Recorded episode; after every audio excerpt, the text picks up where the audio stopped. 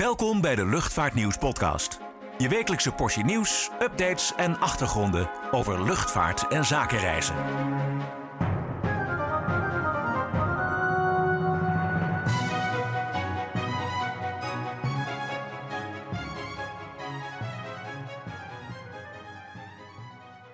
Hallo en welkom bij een nieuwe Luchtvaartnieuws podcast.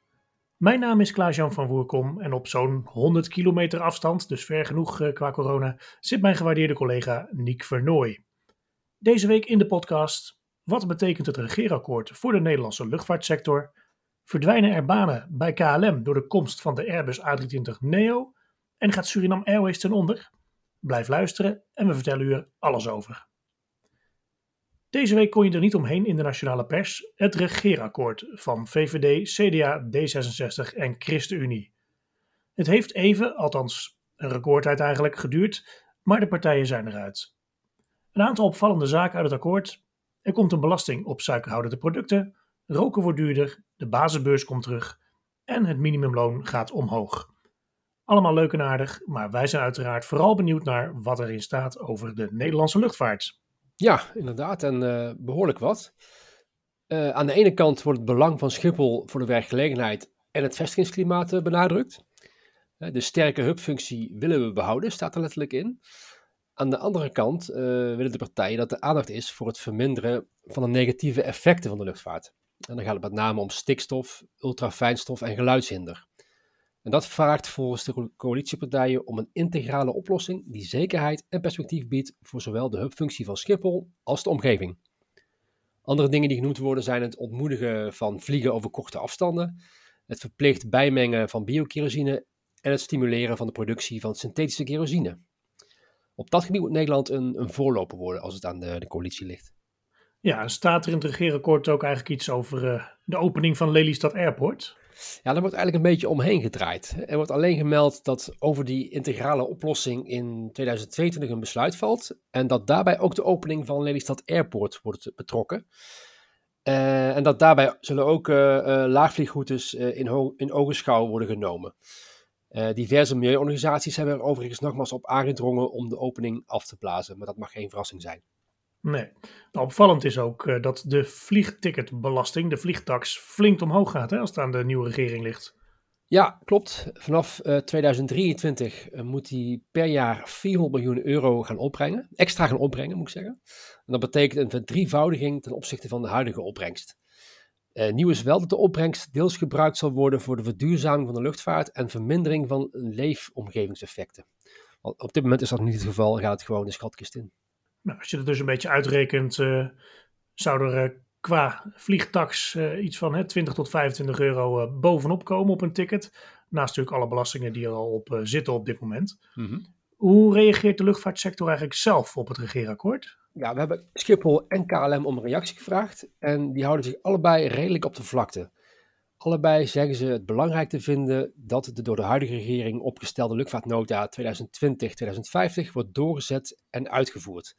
En dat is niet zo vreemd uh, natuurlijk, want de nieuwe regering bestaat uit dezelfde partijen. En veel zaken in het nieuwe regeerakkoord lijken rechtstreeks uit de nota te zijn overgenomen. Uh, Schiphol en KLM zijn ook blij dat het belang, dat belang wordt gehecht aan de hubfunctie van Schiphol. Over de verhoging van de vliegticketbelasting laten ze zich overigens niet uit. Het is natuurlijk ook nog even de vraag uh, wat er daadwerkelijk terecht komt, aangezien er nog over gedebatteerd gaat worden over al die plannen.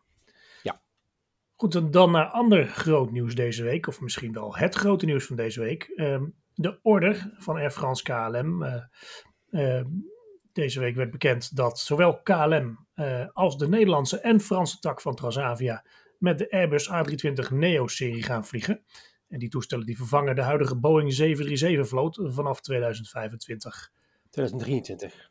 2023 zelfs, kun je nagaan. Dat gaat snel. Nou, dan dan hadden ze er al een paar op de plank liggen. In ieder geval, er zijn nu uh, eh, 100 toestellen besteld. En uh, de optie is om er nog eens 60 af te nemen. Een opvallende keuze? Ja, je hebt maar twee smaken eigenlijk. Hè? Airbus en Boeing. Maar er was natuurlijk ook een kans dat de Boeing 737 MAX besteld zou worden. Misschien voor Transavia bijvoorbeeld. Uh, dat de keuze op beide valt, dat ja, is misschien toch wel enigszins verrassend. Ja, we melden natuurlijk in november al dat Airbus met de order aan de haal leek te gaan. En dat is dus ook gebeurd nu. wat betekent dat eigenlijk voor, voor KLM en ook een beetje voor Transavia? Ja, het wordt een flinke omschakeling. De Boeing 737 MAX lijkt veel op de huidige Boeing 737 Next Generations qua cockpit en cabine. Dus de omscholing zou relatief snel kunnen gaan. Maar voor de A320neo is dat meer tijd nodig natuurlijk. Nou, waarom is de keuze eigenlijk op uh, Airbus gevallen? Nou, volgens KLM-topman Pieter Elbers was het een lastige keuze. Maar als je kijkt naar de prestaties is de A320neo eigenlijk uh, op alle vlakken beter dan de MAX. Het toestel is zuiniger, het vliegbereik is groter. Uh, alleen de aanschafprijs ligt iets hoger.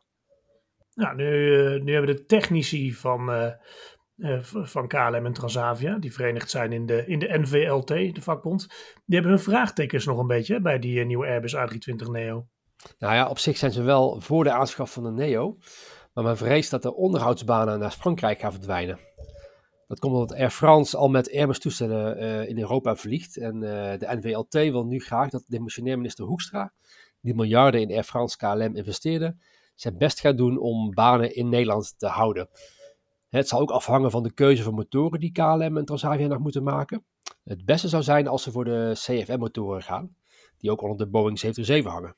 Ja, precies. Nou goed, hè, nu zei de NVOT ook dat eh, waarschijnlijk Frankrijk ook niet genoeg capaciteit heeft om alle motoren van de hele gezamenlijke vloot eh, van de groep te gaan onderhouden. En ook de personeelskosten ligt natuurlijk ietsjes hoger in Frankrijk. Maar goed, het is natuurlijk wel een punt uh, waar nou niet alleen minister Hoekstra, maar juist ook de vakbond zich natuurlijk hard voor moet gaan maken.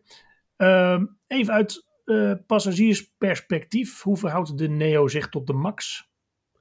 Nou ja, KLM en Transavia hebben nog niet aangekondigd hoeveel stoelen er in de nieuwe toestellen gaan komen.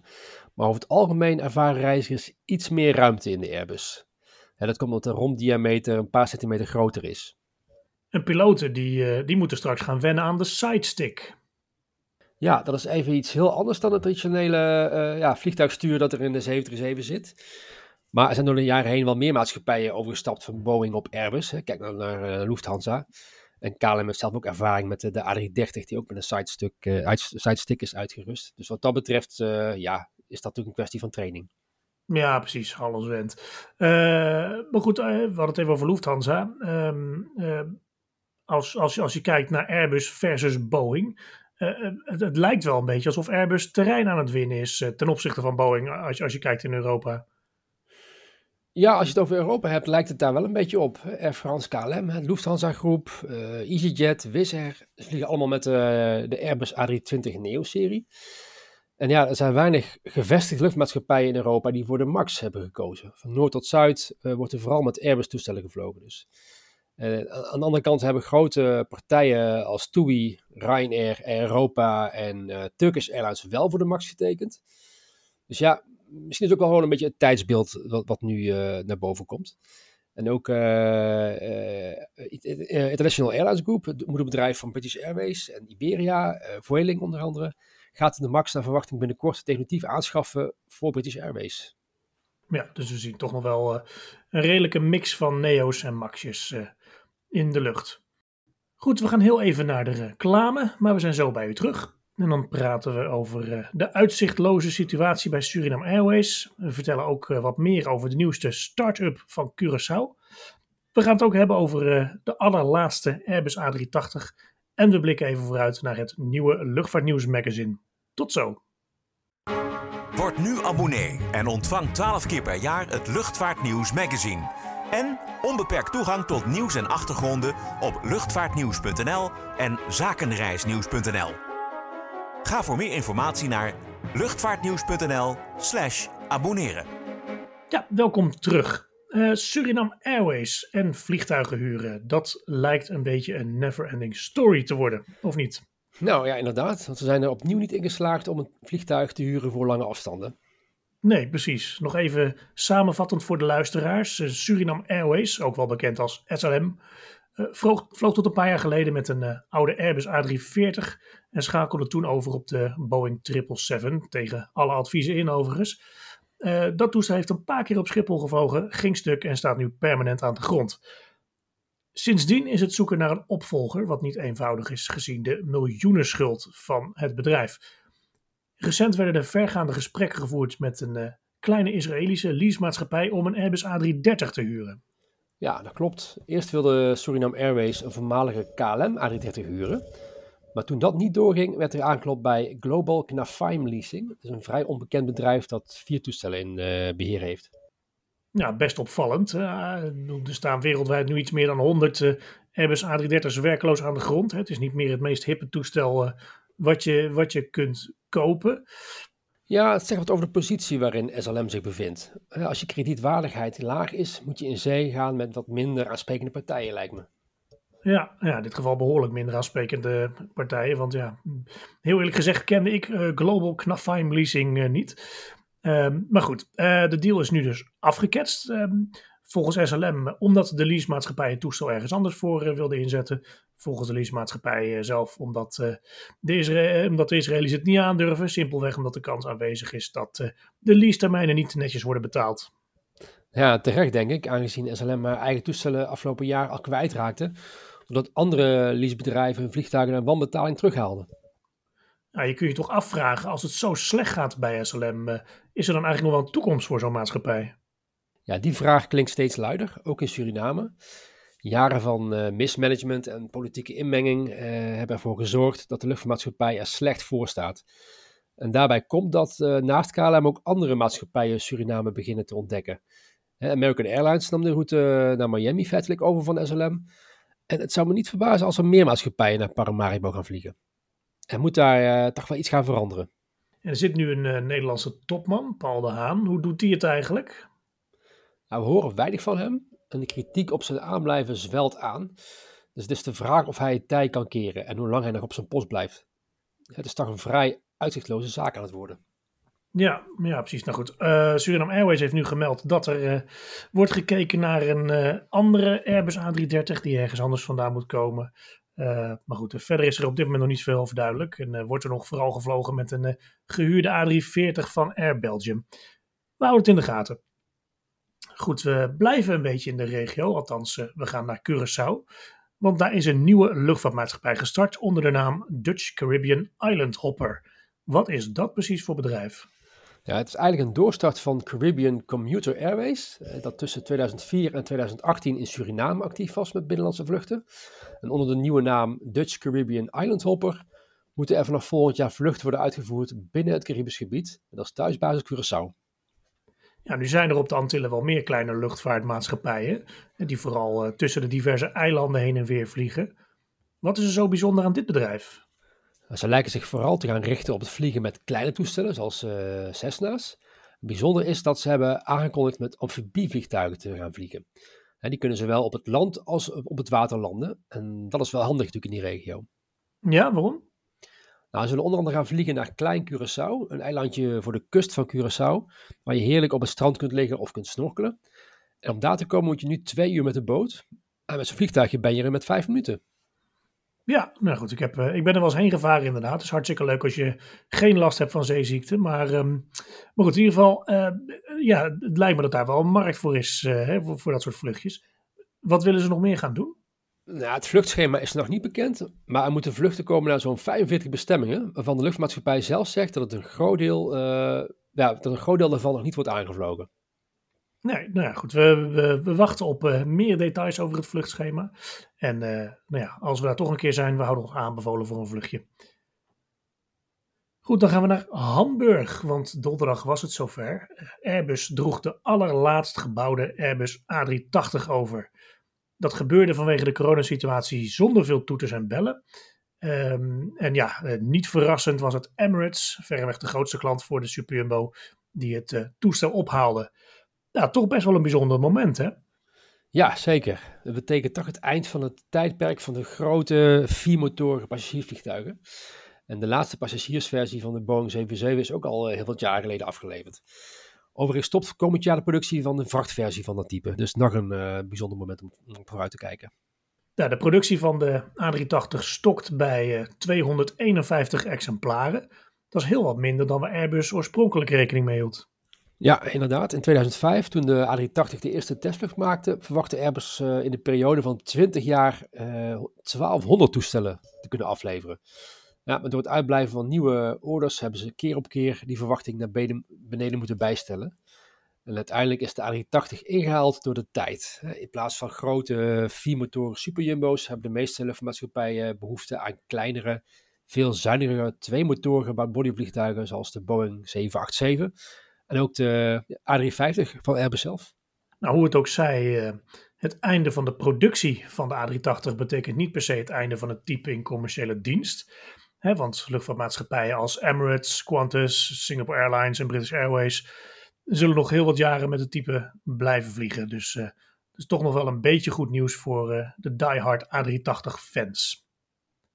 Dan nog even dit. zaterdag 18 december, dan verschijnt de nieuwste editie van Luchtvaartnieuws Magazine. Het is een weekje later dan normaal, maar het is dan ook een speciale, extra dikke uitgave. Ja, we hebben wat te vieren. Het is de honderdste uitgave van Luchtvaartnieuws Magazine. De eerste verscheen trouwens in maart 2011 op tabloid-formaat. En toen was het nog een kwartaalblad. Uh, sinds een jaar of vijf is het een luxe glossy die maandelijks verschijnt. We hebben trouwens nog meer te vieren. Luchtvaartnieuws.nl bestaat 20 jaar. Dat is ook een mooie mijlpaal natuurlijk. Ja, en dan zijn we de eerste verjaardag van de Luchtvaartnieuws podcast nog vergeten. Het kan niet op, slingers overal. Precies. Ja. uh, over het magazine, wat, uh, wat staat er in deze honderdste editie? Ja, we staan stil bij uh, onze jubilea, met onder meer een luchtvaartnieuwsoverzicht van de afgelopen 20 jaar. Een aantal van de meest opvallende gebeurtenissen passeert daarbij in sneltreinvaartrevue. Van 9-11 tot de overname van KLM door Air France en het aan de grond houden van de Boeing 777 MAX. Dus ja, van alles. Ja, traditiegetrouw houden we in december een eindejaarsinterview met Pieter Elbers. Met hem blikken we terug op het afgelopen jaar en vooruit op 2022. Een jaar wat Elbers eigenlijk best wel met vertrouwen tegemoet ziet. Hoewel hij ook waarschuwt voor tegenvallers. Kijk naar de Omicron variant. Die zorgt er momenteel voor dat consumenten de kat uit de boom kijken. Verder in het decembernummer interviews met directeur Roel Hellemons van Eindhoven Airport. VNV-voorzitter Willem Schmid en Singapore Airlines. Verder uitgebreide artikelen over Brusselse Airlines en de 40-jarige vliegtuigbouwer ATR. En last but not least blikt collega Paul Eldering met experts uitgebreid vooruit op wat in de komende decennia staat eh, gebeuren op luchtvaartgebied. Nou, meer dan genoeg redenen om het magazine te bestellen dus, lijkt mij. Dat kan op onze website, maar het handigste is natuurlijk om gewoon abonnee te worden. Dan uh, valt het blad standaard elke maand op de deurmat of in de brievenbus. Uh, en dan hebben lezers natuurlijk ook daarmee toegang tot de premium artikel op onze website. Maar dat terzijde. Goed, dat was het weer voor deze keer. Bedankt voor het luisteren en vergeet niet onze websites luchtvaartnieuws.nl en zakenreisnieuws.nl te checken voor de actuele stand van zaken. Tot ziens!